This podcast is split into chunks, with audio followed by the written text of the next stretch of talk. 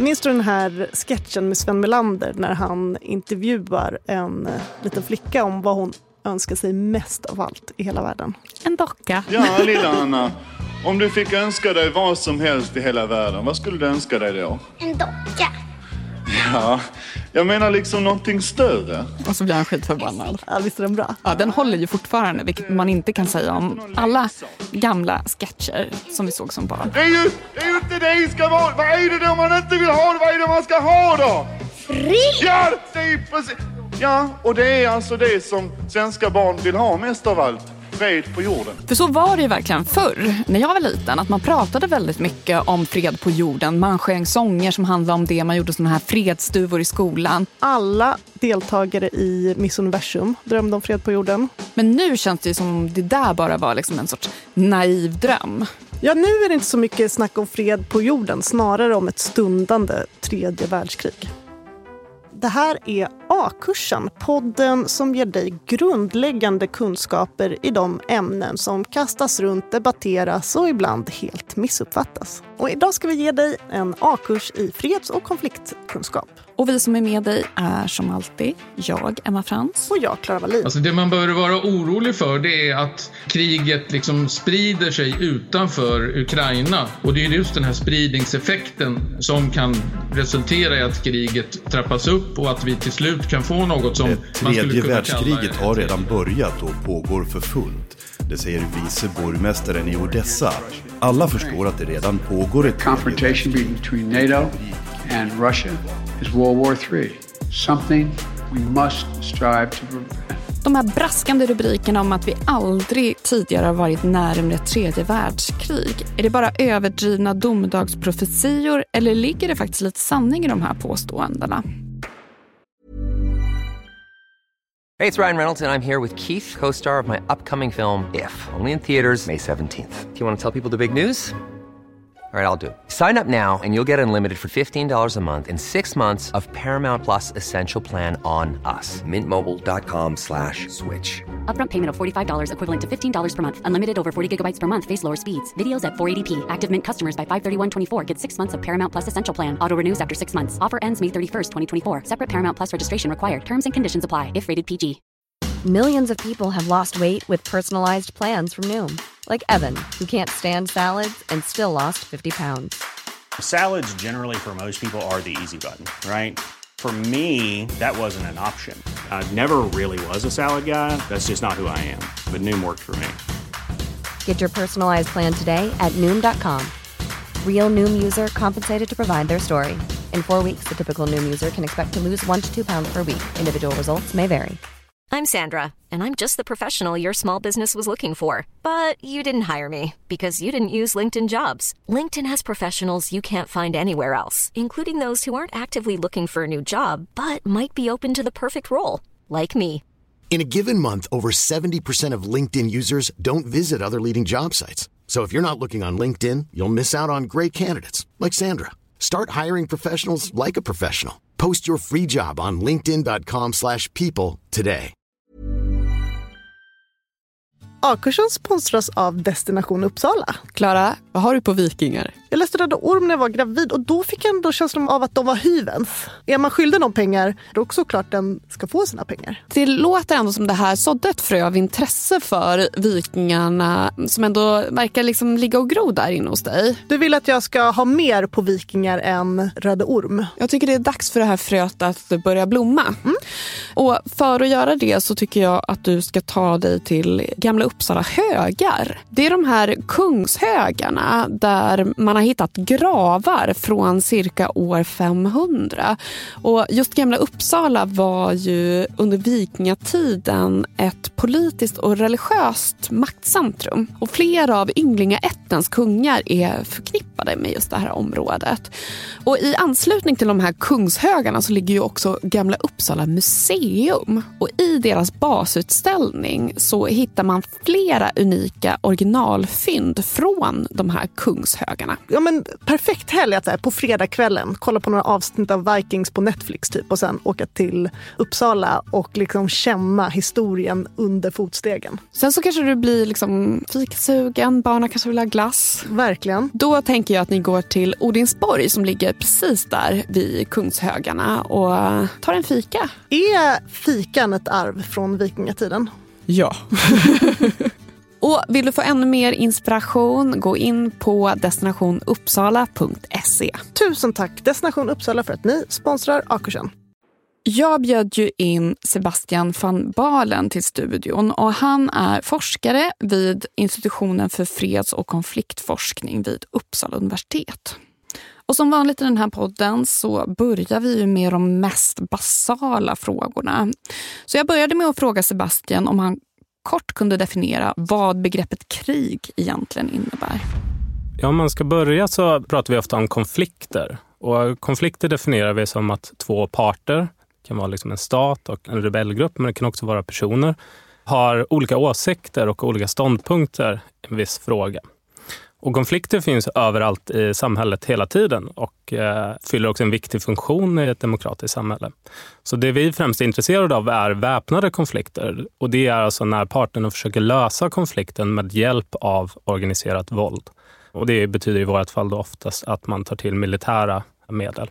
Så om vi pratar om det som händer på Sveriges gator just nu där det är en sorts eskalerande gängkonflikt där man också skjuter varandra. Skulle du säga att det är en väpnad konflikt? Ja, det faller inom eh, begreppet väpnad konflikt. Så därför pratar vi om en väpnad konflikt som pågår mellan två icke-statliga aktörer, i det här fallet två olika kriminella gäng. Så eh, det är en av de konflikterna man kan fokusera på. Men de allra flesta konflikter som vi pratar om normalt sett som krig, det är alltså konflikter som antingen sker mellan två stater, så till exempel mellan Ryssland och Ukraina just nu, eller mellan en stat och en icke-statlig grupp, oftast en rebellgrupp. Och då pratar vi om ett inbördeskrig snarare än ett mellanstatligt krig. Därtill finns också en hel del av de här icke-statliga konflikterna då, som kan ske mellan en rad olika grupper. Men det som definierar dem är att staten inte är involverad som en direkt stridande part. Så här har vi till exempel konflikter mellan jordbrukare och bostadsskötare i Sahelområdet. Det kan vara gängkonflikter både i Sverige men framförallt i Latinamerika och Mexiko. Det kan vara konflikter mellan olika rebellgrupper som samtidigt slåss mot regeringen men också slåss mot varandra och så vidare. Är gränsen mellan krig och fred självklar? Nej, det är den inte. En central del av, av det väpnade konfliktbegreppet är egentligen att människor dör eller att människor kommer till skada. Så i någon mån så är krigsbegreppet alltid beroende av en definition av hur många människor måste dö för att det ska räknas som en väpnad konflikt. Så i Uppsala, där jag jobbar, så har vi en stor internationell konfliktdatabas. Och där har vi satt en avgränsare som är att minst 25 personer måste dö i stridigheter under ett kalenderår för att det ska ingå i databasen. Det här är ju såklart lite av en slumpmässig gränsdragning. Så vi menar ju inte att en konflikt som skördar 20 människooffer på något sätt är mindre värd, men någonstans behöver man dra en gräns för att kunna räkna antalet konflikter. Sen brukar vi prata om krig och då pratar vi om väpnade konflikter som skördar mer än tusen människoliv under ett kalenderår i direkta stridigheter. Så på så sätt så är det liksom en av gränsdragningarna. Sen brukar man också skilja på, om man vänder på det och pratar om vad fred är för någonting, så brukar vi skilja på det som kallas för negativ fred och det som kallas för positiv fred. Där negativ fred helt enkelt är avsaknaden av eh, organiserat våld. Att man har en konflikt men det är ingen som dör i den eller kommer till skada i den. Men i fredsbegreppet, i det positiva fredsbegreppet, det finns lite olika definitioner, men där brukar man lägga in många fler olika värden som är mer positiva. Så att vi tänker att fred är mer än bara att ingen dör. Utan det kan också vara att man har demokrati, att man respekterar mänskliga rättigheter, att det finns respekt för rättsstatens principer och att människor försonas med varandra och lever i någon form av fredligt förhållande med sina grannar och med andra grupper i samhället. Bortom att man helt enkelt inte dödar varandra endast. En väldigt så basic sak jag tänkte kolla upp inför det här avsnittet var ja, men vad är egentligen ett världskrig? Smart, Klara. Mycket bra. det var inte så lätt. Nej, det var inte det va? Nej, alltså typ tittar man i Svenska Akademins ordlista, då är det så här första världskriget 1914 till 18. Mm. Andra världskriget 39 till 45. Ja. Och det var inte så att jag stannade där. Och, och sen du bara tänkte, nej, nu räcker det. Nej, men det verkar lite luddigt, men det som ändå verkar vara helt på det klara är att det ska vara många olika nationer som krigar mot varandra. Men sen att det är liksom ja, de två världskrigen vi känner till.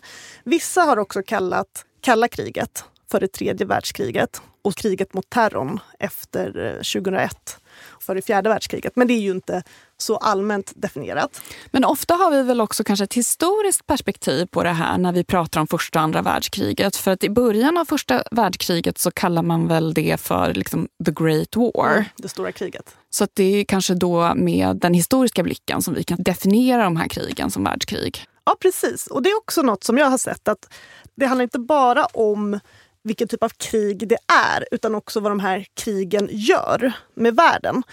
För att både första och andra världskriget har liksom rubbat maktbalansen i världen. Efter första världskriget så vann ju Storbritannien, Frankrike, Italien, Japan och USA. Och då de som förlorade makt, som hade varit riktiga powerplayers innan, var ju det tyska riket och sen Österrike-Ungern blev ju delat och blev två stycken mycket mindre mäktiga spelare. Sen bröt ju den ryska revolutionen ut 1917 vilket ledde till ett försvagat Ryssland och den turkisk-islamiska stormakten Osmanska riket föll 1923. Och det var ju också till följd av första världskriget. United, the peace-loving nations have demonstrated in the West that their arms are stronger by far than the might of dictators or the tyranny of military cliques that once called us soft and weak. Och sen efter andra världskriget, då grundades ju FN. Och de som liksom än idag är de här permanenta medlemmarna i FNs säkerhetsråd och också innehar det här vetot som kan göra att alla beslut som alla andra länder vill ta omkullkastas. Det är ju Frankrike, Kina, Ryssland, Storbritannien och USA. Och de fem var ju de som gick segrande ur andra världskriget. Och om det nu skulle ske ett tredje världskrig så skulle ju den här makten omkullkastas. Och jag har väldigt svårt att tro att USA, Kina och Ryssland skulle sätta sig tillsammans och komma överens sinsemellan efter ett sånt. Så att jag tänker att ett världskrig är när stormakter drabbar samman med varandra och att det sen ruckar på maktbalansen i världen. World war. No one would believe me. No one's a winner. No one's a loser. Just a dead friend.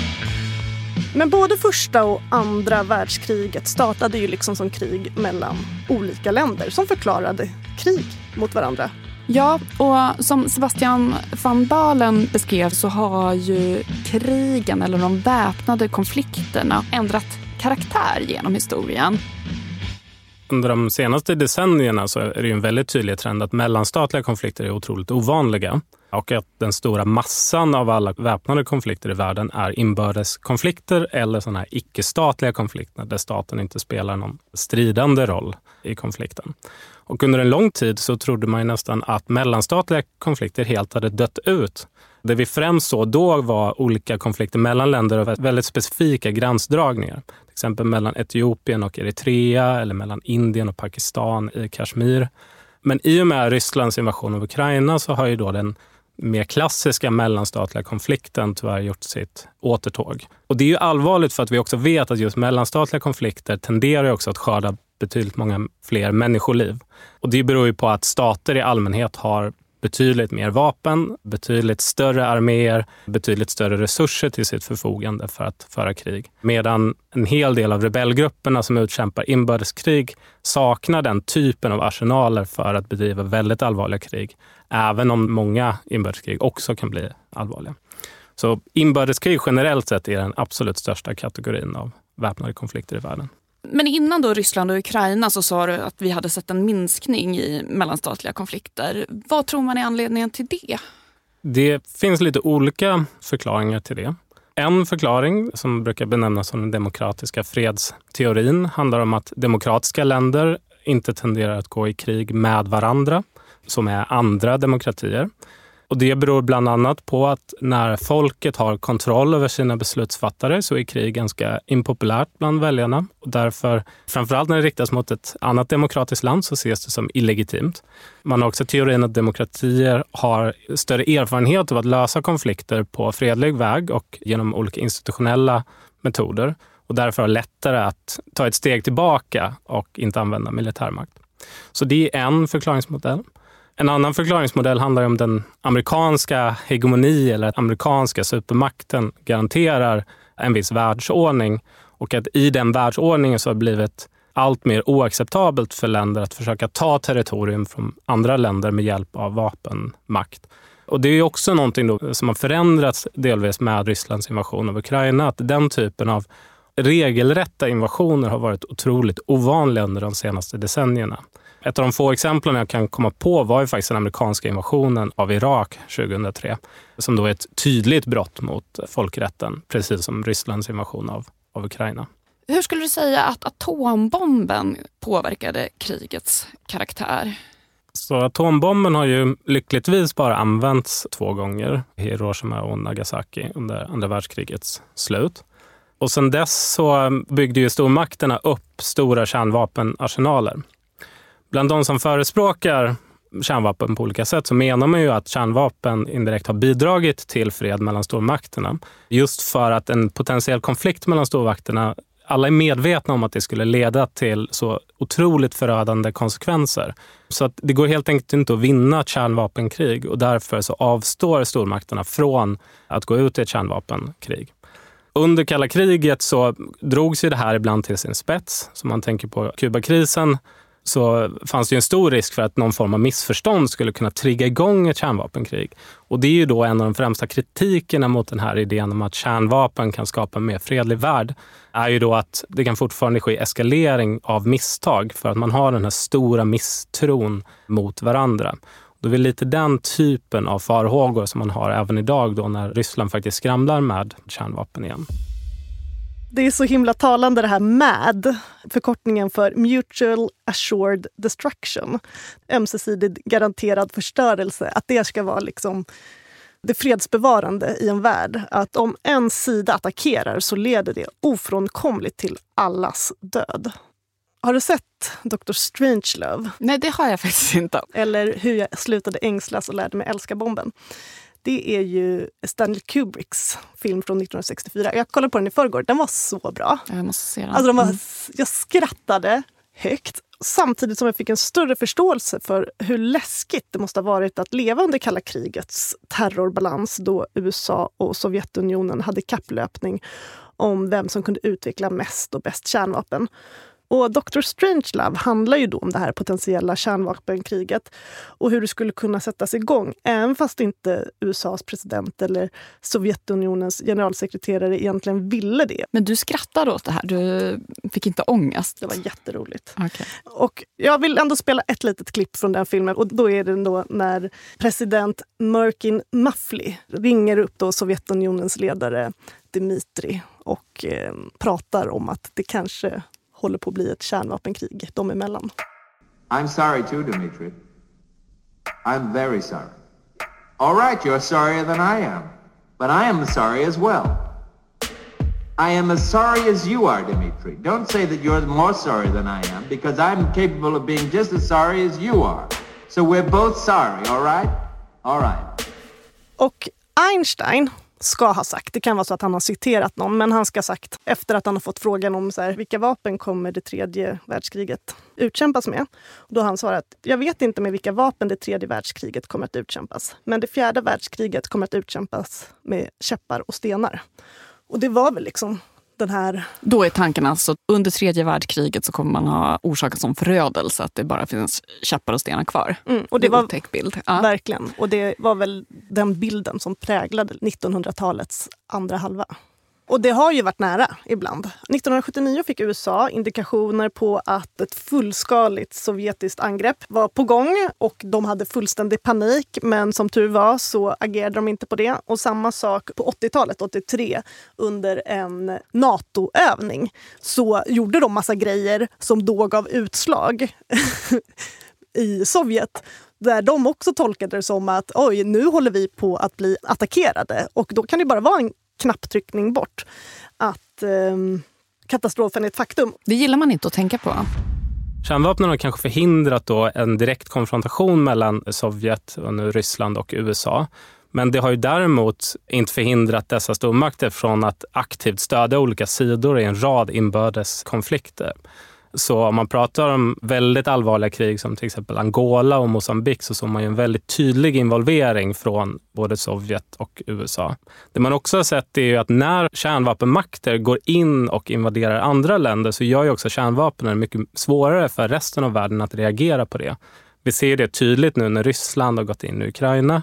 Men man har ju också sett det tidigare, till exempel när USA gick in i Vietnam eller när det var under Koreakriget.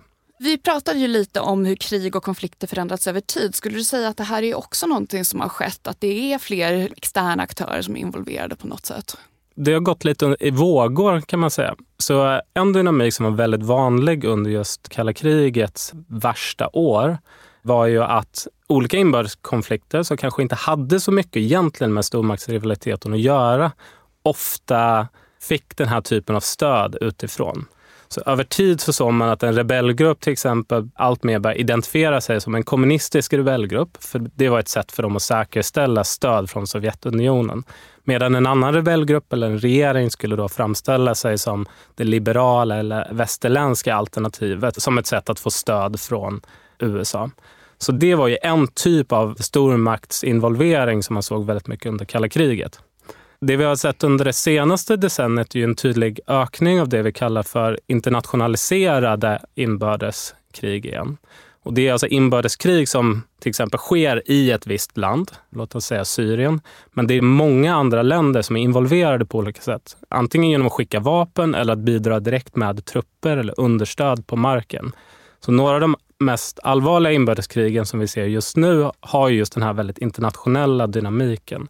Pratar om konflikter så som i Syrien, men även eh, i Jemen, där Saudiarabien, Förenade Arabemiraten och Iran har varit involverade. Varför blir de här konflikterna internationaliserade? Ja, det beror på lite olika saker. Om man tittar på de stridande parterna i inbördeskonflikter så kan ju internationalisering för dem kan ju vara ett sätt att få tillgång till mer vapen, till mer pengar och till mer krigare men också till någon form av diplomatiskt eller politiskt stöd på den internationella arenan. Så de har ju ofta ganska starka incitament att vilja internationalisera konflikter. Sen funkar inte alltid den här internationaliseringen, men när vi har ett världsläge där det råder stor rivalitet mellan antingen stormakter eller regionala stormakter, då ökar ju risken för att de väljer då att aktivt gå in för att inte deras rivaler ska kunna flytta fram sina positioner. Så det är det man ser till exempel i inbördeskriget som har pågått länge i Jemen, är ju att Iran och Saudiarabien har ju dragits in och gått in i den här konflikten aktivt som ett sätt att utkämpa en form av rivalitet dem emellan utan att behöva slåss direkt mot varandra. En annan faktor som också bidragit till den här internationaliseringen har ju varit den stora ökningen av så kallade jihadistiska väpnade konflikter under det senaste årtiondet. Just för att den typen av jihadistiska projekt har en transnationell dimension. Det är liksom inbyggt i deras ideologi. Och därför så ser man ju då ofta att de också försöker dra på aktörer från andra länder för att stärka sina positioner. Och det är inte nödvändigtvis andra stater som dras in, men här kan det vara till exempel diasporagrupper som kan vara viktiga som stödfunktioner för olika väpnade grupper. Då. Så ett tydligt exempel var Islamiska staten i Irak och Syrien som rekryterade även människor från hela världen som kom för att strida där. Så det skapar ju också då en transnationell dynamik till den typen av inbördeskrig. Hey, it's Ryan Reynolds, and I'm here with Keith, co star of my upcoming film, If, only in theaters, May 17th. Do you want to tell people the big news? All right, I'll do it. Sign up now and you'll get unlimited for $15 a month in six months of Paramount Plus Essential Plan on us. Mintmobile.com slash switch. Upfront payment of $45 equivalent to $15 per month. Unlimited over 40 gigabytes per month. Face lower speeds. Videos at 480p. Active Mint customers by 531.24 get six months of Paramount Plus Essential Plan. Auto renews after six months. Offer ends May 31st, 2024. Separate Paramount Plus registration required. Terms and conditions apply if rated PG. Hiring for your small business? If you're not looking for professionals on LinkedIn, you're looking in the wrong place. That's like looking for your car keys in a fish tank. LinkedIn helps you hire professionals you can't find anywhere else, even those who aren't actively searching for a new job but might be open to the perfect role. In a given month, over 70% of LinkedIn users don't even visit other leading job sites. So start looking in the right place. With LinkedIn, you can hire professionals like a professional. Post your free job on linkedin.com slash people today. Millions of people have lost weight with personalized plans from Noom, like Evan, who can't stand salads and still lost 50 pounds. Salads, generally, for most people, are the easy button, right? For me, that wasn't an option. I never really was a salad guy. That's just not who I am. But Noom worked for me. Get your personalized plan today at Noom.com. Real Noom user compensated to provide their story.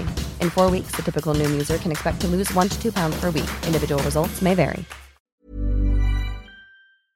A-kursen sponsras av Akademikernas a-kassa. Klara, jag tycker att det ser ut som du sitter där och är väldigt trygg. Och har inte jag varit trygg ända sedan du lärde känna mig? Jo, men det har du faktiskt nu när du säger det. Jag går liksom genom livet med någon form av grundtrygghet. Och det kanske är för att jag unnar mig att vara med i a-kassan. Men är inte det väldigt dyrt? Det är som en lunch. 130 kronor i månaden. Oh. Och då få denna trygghetsaura väldigt värt, ja. tycker jag.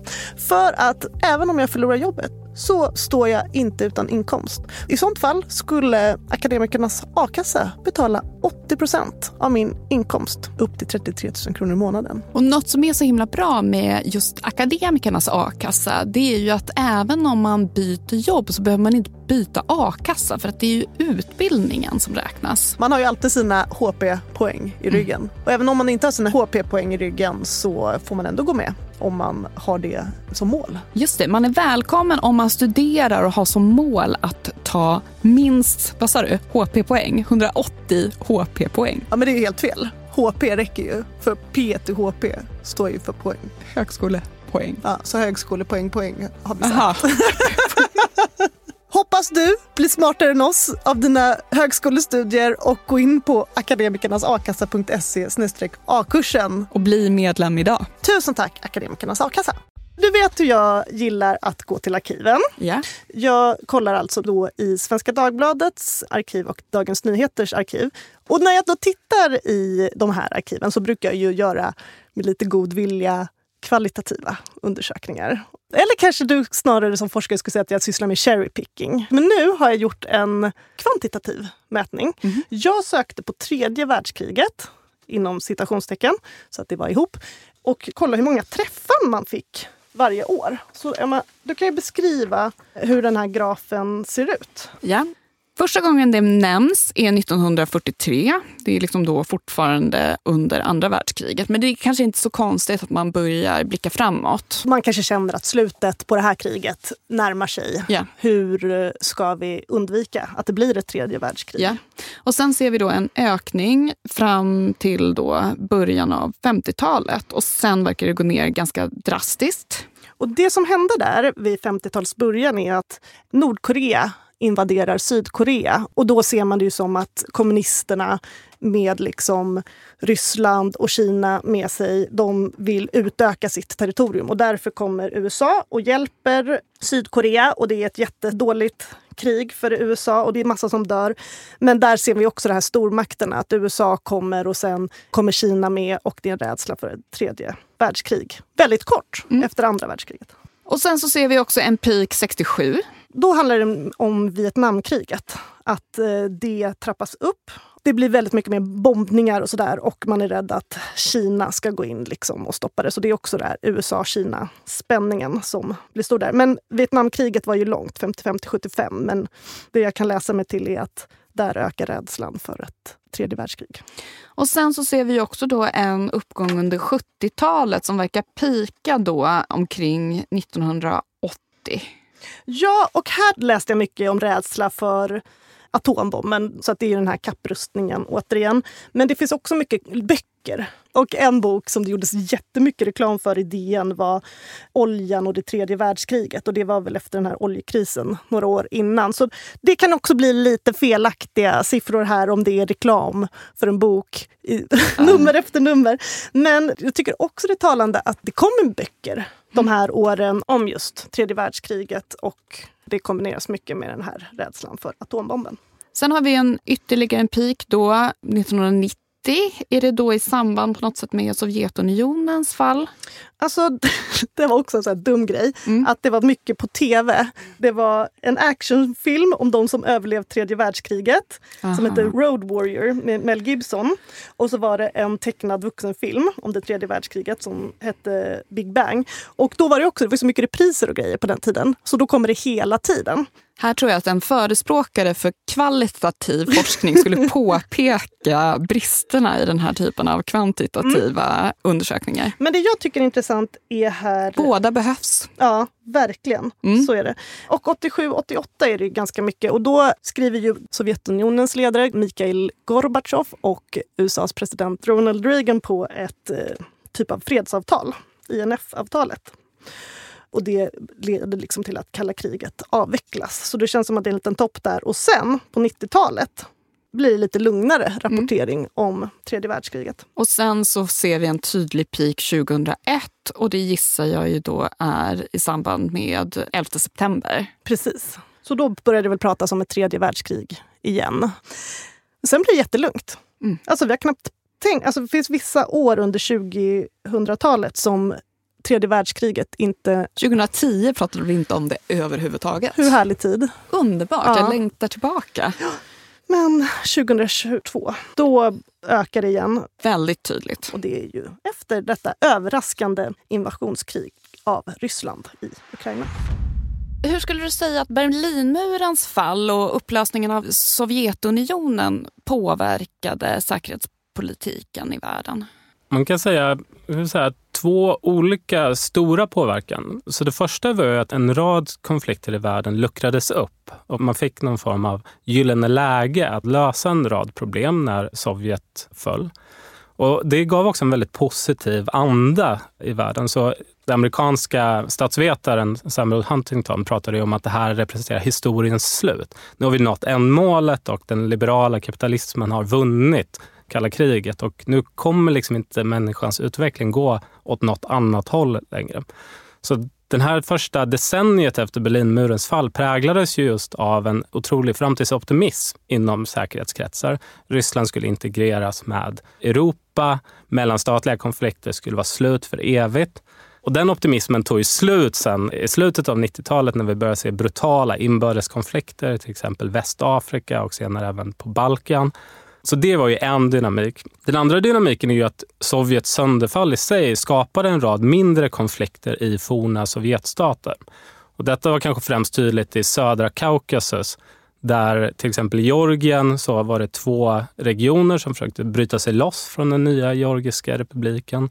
Vi såg liknande dynamik på gränsområdet mellan Armenien och eh, Azerbajdzjan där en utbrytarregion känd som Nagorno-Karabach försökte bryta sig loss från Azerbajdzjan och eh, liknande dynamik i Moldavien där en utbrytarregion som heter Transnistrien försökte bryta sig loss. Så Sovjets sönderfall födde också en rad nya konflikter. Konflikter som har varit väldigt svårlösta och som fortfarande finns kvar idag. Och som vi såg för någon månad sedan så bröt ju kriget i Nagorno-Karabach ut på nytt när Azerbajdzjan valde att invadera den här exklaven. Något som också skulle vara spännande att sätta in i en sån här graf, det är hur ofta man nämner Nostradamus. Han som vet allt om vad som komma skall. Precis. Nostradamus var ju då en fransk astrolog och läkare som levde på 1500-talet. Och han var ju framstående på många sätt och faktiskt berömd redan under sin livstid. Han var läkare som behandlade pestsjuka. Han blev också en framstående person vid det franska hovet. Han var faktiskt under en tid huvudansvarig för att sammanställa horoskop och tjänstgöra som livmedicus. Alltså han var kungens läkare. Och han visste att tvillingtoner skulle rasa och att eh, drottning Elisabeth skulle dö 2022, va? Ja, precis. Alltså, för oss då som lever idag mm. så är han ju mest känd för sina profetier om framtiden. Och han skrev då liksom olika verser som handlade då om framtiden, teknik, vetenskap, naturkatastrofer och händelser inte bara då i Frankrike där han själv levde och verkade utan också i hela världens länder. Så om man vill tolka det på det sättet så skulle man ju då kunna säga att han förutsåg allt från franska revolutionen till då de två världskrig som hittills har varit. Och när kommer det tredje enligt Nostradamus?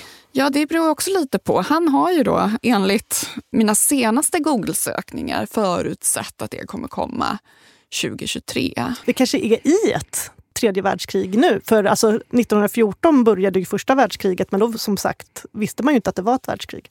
Ja, exakt. Sen så har han ju också sagt 2024, det har ju inte inträffat än. Men går man tillbaka lite också så det verkar ju inte vara helt självklart när han faktiskt förutsåg det här tredje världskriget. Det har varit källor som har menat att det skulle komma då 2017.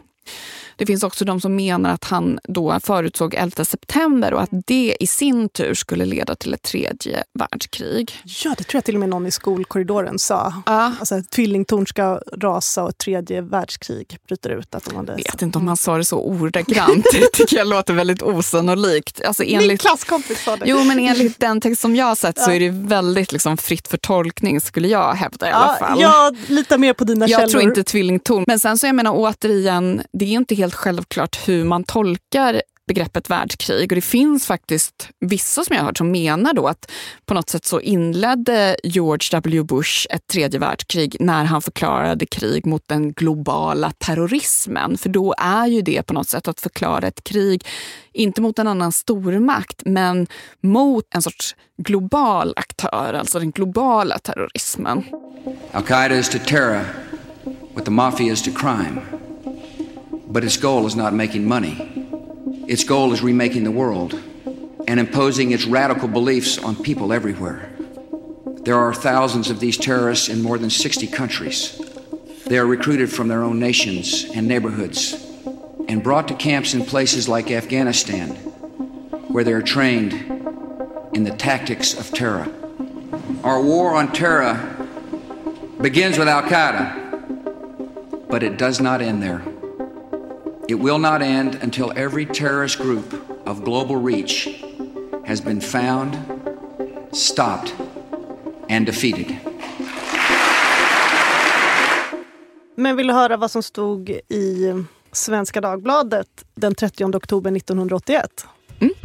Enligt Font Brun, som är son till en tidigare författare i Nostradamus-genren och ägnat åratal av arbete åt att dechiffrera profetens verk på ett förment vetenskapligt sätt, har Nostradamus mest elände i beredskap åt oss som tvingas framleva vårt liv i det tjugonde århundradets slut. Oss väntar bara krig och uselheter av allehanda slag som antikrist och år av sovjetrysk dominans i Västeuropa. Det tredje världskriget bryter ut om tre år i form av ett krig mellan Västeuropa och arabvärlden. Året därpå träder supermakterna in på varsin sida. Så då skulle det alltså ha skett 84 enligt Nostradamus. Tredje världskriget. Mm. Mm. Alltså det var så man tolkar det då. Jag menar bara, man kan trösta sig med det. Om man blir orolig av Nostradamus profetior. Ja, mm. när man ser de här rubrikerna där det står att Nostradamus förutsåg tredje världskriget 2023 eller 2024, då tycker jag man kan ta det med en nypa salt. Mm. Det kan komma 2026. Hur nära skulle du säga att vi är ett tredje världskrig? Det är en väldigt svår fråga att säga exakt hur nära vi är. Men det är tydligt att situationen är väldigt allvarlig. Jämförelserna dras ju ofta med de värsta epokerna av kalla kriget där man var väldigt nära en stormaktskonfrontation. Det känns, och jag spekulerar lite, men det känns som att det har lugnat ner sig lite kring Ukraina. Att USA har ju trappat upp sitt stöd till Ukraina väldigt långsamt. Man har tagit små steg snarare än att göra väldigt stora steg och det kan ju vara ett sätt då att inte öka konfrontationsnivå med Ryssland allt för snabbt. Men det är klart att vi befinner oss i en situation där ganska små misstag väldigt snabbt skulle kunna urarta. Jag har ju svårt att tro till exempel att Ryssland aktivt skulle vilja förklara krig mot ett NATO-land i Europa. Men vi har ju sett flera incidenter där man har misstag skjutit missiler mot Pols territorium eller mot rumänskt territorium. Där man har haft flygningar väldigt nära NATO-flyg och så vidare. Och den typen av situationer skulle ju väldigt lätt kunna eskalera trots att ingen av parterna är intresserad av den typen av militär stormaktskonfrontation. Så på så sätt så lever vi i en värld där små misstag kan få otroligt stora konsekvenser. Så om man pratar om risken för tredje världskrig på det sättet så är ju risken väldigt hög nu, helt enkelt. Vi får hoppas på att Trump vinner valet nästa år. Tvärtom va?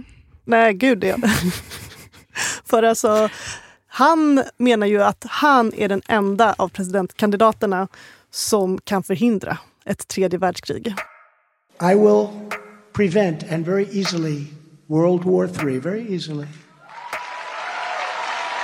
Before I even arrive at the Oval Office, I will have the disastrous war between Russia and Ukraine settled.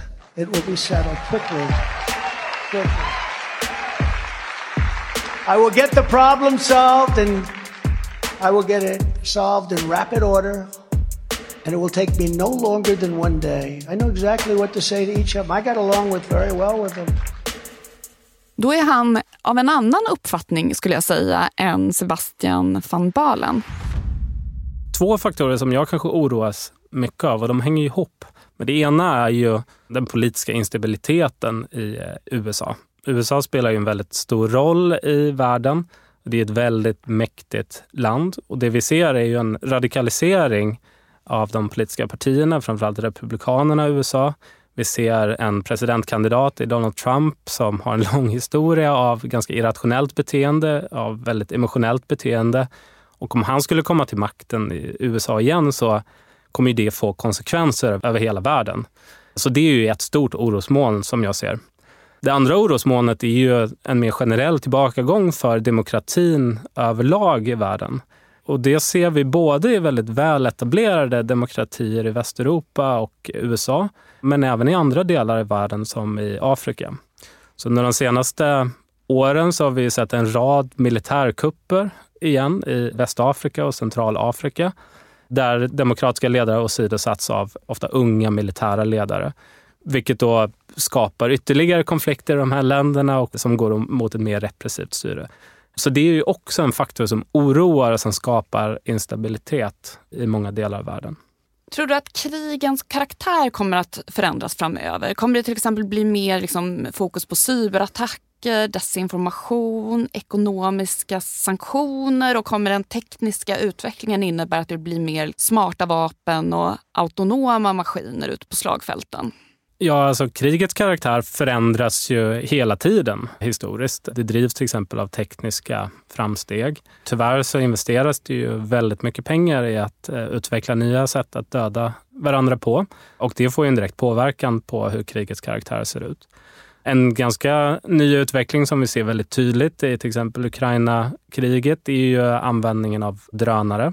Och inte så mycket användningen av väldigt avancerade och dyra drönare utan användandet av enkla drönare som inte kostar särskilt mycket pengar men som kan eh, militariseras till att bära granater eller andra sprängmedel. Och en problematik här är att attackvapnen ofta är mycket billigare än försvarsvapnen. Så att en drönare kostar inte många hundra dollar att skicka ut men det kan kosta många tusen dollar att försöka skjuta ner den med hjälp av eh, luftvärn. Så drönare är ju verkligen en sån utveckling som vi ser väldigt tydligt i Ukraina-konflikten. Eh, under en lång period har det också pratats mycket om hot från cyberattacker. Än så länge har vi väl inte sett de absolut värsta cyberattackerna, men de sker ju. Men ehm, de går väl hand i hand med en typ av halvt hemliga påverkansoperationer som drivs av många av stormaktsländerna. Där man försöker påverka demokratiska val, man försöker påverka det offentliga samtalet, man försöker påverka kritiska samhällsfunktioner. Så det är någonting vi ser. Sen vet jag inte om jag vågar säga att det är en väldigt ny utveckling. Det kanske är just den tekniska lösningen man har för att göra det kanske är ny. Men många av den här typen av taktiker har man använt i krig under en lång period. Förr kanske man släppte flygblad och nu sprider man desinformation på Twitter och Facebook istället. Men i grunden så handlar det om liknande metoder. Pengar och pengar, vad fan är det enda du tänker på? Dockor och cyklar och pengar och mat och sånt. Skit alltså, vad fan. Tänk om du kom hem med en massa soldater och sköt din mamma och din pappa. Skulle det vara roligt? Tycker du det skulle vara kul va? Nej. Nej, men vad är det då? Vad är det då då? Krig! Ja men vad fan är du dum i huvudet? Det är ju, det är ju inte det det ska vara. Vad är det då man inte vill ha? Vad är det man ska ha då? Fred! Ja! Men om barnen inte drömmer om fred på jorden längre, vad drömmer de om då? Stridsflygplan till Ukraina! Ja, men eller hur? Ja. Eller som Sebastian var inne på, att man kanske kan drömma om att färre människor ska dö i krig. Att krigen kanske inte helt kommer försvinna, men att de i alla fall kan utvecklas på ett sätt som gör att färre civila kommer till skada. Jag kan förstå att vi befinner oss i ett ganska mörkt omvärldsläge där det är lätt att tro att allt är eh, hopplöst. Men samtidigt ska man inte glömma bort att det sker ju ofta förbättringar och förbättringar kan komma plötsligt. Så Peter Wallensten som var med och grundade vår institution i freds och konfliktforskning, han brukar alltid säga att en av de få sakerna vi vet med säkerhet om krig, det är att alla krig någon gång tar slut. Så det försöker jag hålla i när man tycker att det känns väldigt dystert. Man ska också komma ihåg att en rad länder som vi förr såg som otroligt konfliktdrabbade idag är relativt fredliga och kanske till och med populära semesterdestinationer. Det här handlar till exempel om många länder i södra Afrika. Det handlar om stora delar av Latinamerika som har ganska få väpnade konflikter idag. Och det handlar om stora delar av Östasien som historiskt sett var en otroligt våldsam region och som idag har väldigt få väpnade konflikter. Och Det man också har sett historiskt är att många konflikter är ihopkopplade till varandra. Så man kan prata om stora konfliktkluster som pågår samtidigt.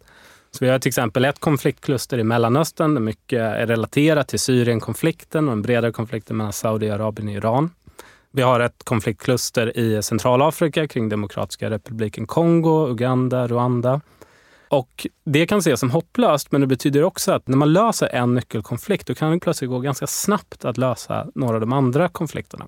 Ett eh, tydligt exempel historiskt var ju konflikterna i södra Afrika. Många av dem som var kopplade till apartheidregimen i Sydafrika.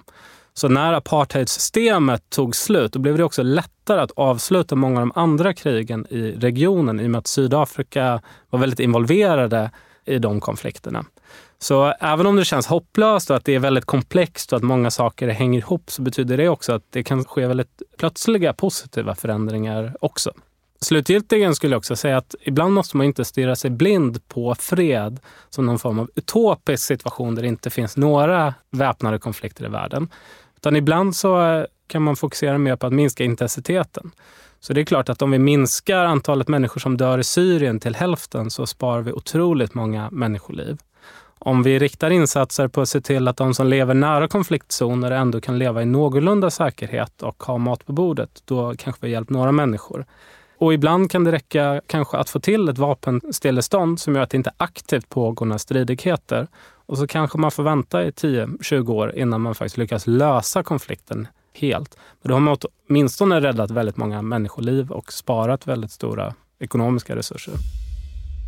Första och andra världskriget, de var ju symptomatiska för den tiden som de utspelade sig i. Och jag tror inte att tredje världskriget kommer se ut så, eller om det ens blir ett tredje världskrig. Men det skulle inte förvåna mig om maktbalansen rubbas snart. När man ser Ryssland, när de invaderade Ukraina så såg jag dem som en superläskig stormakt som bara skulle meja ner allt motstånd på någon månad. Och nu ser inte jag Ryssland som ett så stort hot längre. De spände musklerna och mm. det blev inte så mycket av det. De skulle ryta som björnar och det kom bara ut ett litet mjau.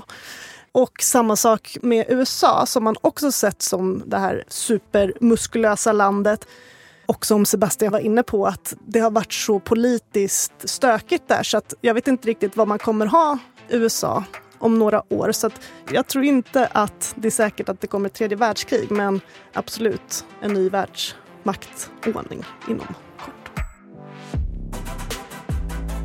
Du har precis tagit A-kursen i freds och konfliktkunskap. Men det är ju ingen riktig kurs om det inte avslutas med en tenta, eller hur? Exakt. Och tentan kan du hitta på Instagram i händelserna där. A-kursen understreck podd. Och den som känner att A-kursen inte var nog, jag vill veta mer. Då finns det ju en överkurs att njuta av också.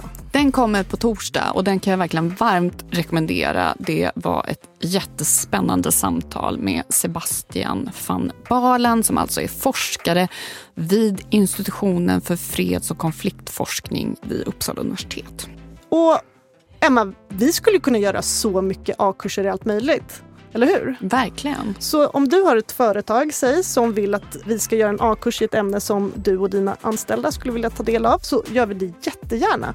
Vi kan antingen göra det som en föreläsning eller som en intern podd. Så hör av dig om du vill att vi ska göra det för ditt företag på akursen podd.gmail.com. Och det här avsnittet har spelats in på Beppo.